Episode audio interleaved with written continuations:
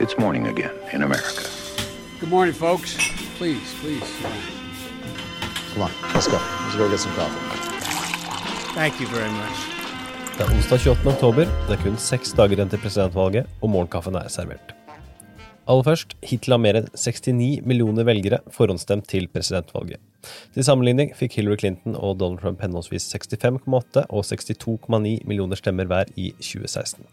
En titt på de nasjonale snittene. Hos Real Clear Politics leder nå Biden med 7,4 poeng, mens hos 538 så er ledelsen på 9,1 poeng. Dagens første sak, Trump-kampanjen med kraftig reklamekutt i Florida. Ifølge Bloomberg skal Donald Trumps kampanje ha sett seg nødt til å trekke det meste de har av reklame i Florida, som følge av knallharde økonomiske prioriteringer. Dermed kan kampanjen flytte fokuset til industristatene lenger nord. De siste to ukene skal det ha dreid seg om kutt tilsvarende 5,5 millioner dollar, noe som betyr at Trump bare skal bruke 350 000 dollar her fram til valgdagen. Siden Labor Day har Joe Bidens kampanje brukt hele tre ganger så mye som Trumps kampanje på reklame nasjonalt. Nå er det Michigan, Minnesota, Pennsylvania og Ohio som skal prioriteres fram mot valget for Trump. Biden-kampanjen fortsetter derimot med en jevn og høy strøm av reklamekjøp i samtlige jevne delstater, med unntak av Texas. Totalt skal det dreie seg om 41 millioner dollar, der blant annet 8,3 millioner skal brukes i Florida, 7,1 millioner i Pennsylvania, 5,3 i Michigan og 4,9 millioner i North Carolina. Dagens andre sak, Obama i strupen på Trump. Tidligere president Barack Obama rettet kraftig skyts mot Donald Trump under et drive-in-arrangement i Orlando, Florida, på tirsdag. Sammen med resten av Joe Bidens kampanje rettet også Obama hovedfokuset mot Trumps håndtering av koronapandemien.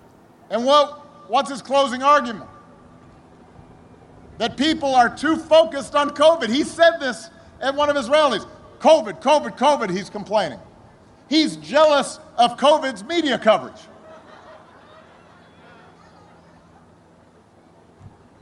If he had been focused on COVID from the beginning, cases wouldn't be reaching new record highs across the country this week. If we were focused on COVID now, the White House wouldn't be having its second outbreak in a month. The White House. Let me say this I lived in the White House for a while. You know, it's a controlled environment. You can take some preventive measures in the White House to avoid getting sick. Except this guy can't seem to do it. He's turned the White House into a hot zone. Under arrangementet hadde også Obama et fokus på velgerapati, og ba velgerne innstendig om å benytte seg av stemmeretten i stedet for å bue på presidenten. They're waving the white flag of surrender. Florida, we can't afford four more years of this. That's why we've got to send Joe Biden to the White House. Dagens tredje sak. Joe Biden har gitt ut sine avsluttende bemerkninger i form av en siste reklame som drar de lange linjene gjennom den tidligere visepresidentens valgkampanje.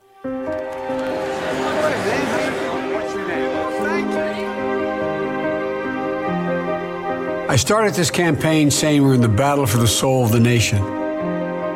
I believe that even more deeply today.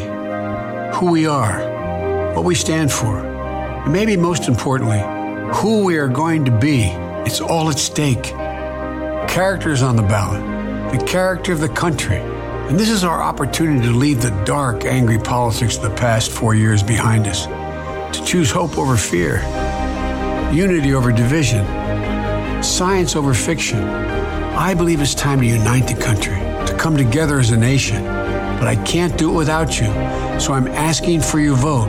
We need to remember this is the United States of America, and there's never been anything we've been unable to do when we've done it together.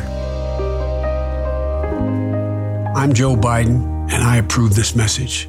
Dagens fjerde og siste sak, endelige stalltips for sørstatene. Sørstatene er neste gruppe ut i Jon Henrik Gilius sine justeringer for kongressvalget i høst. Det spås endringer for enkelte distrikter, men du må nesten lese hele artikkelen for å finne ut hvilke det gjelder. Følg også med på amerikanskpolitikk.no de kommende dagene for å se de siste oppdateringene for Midtvesten og statene i vest. Dagens utgave av Målkaffen er servert av Henrik Skotte og undertegnede Are Tovklaten. Dersom du ønsker din egen morgenkaffekopp i posten, tar du turen til patron.com –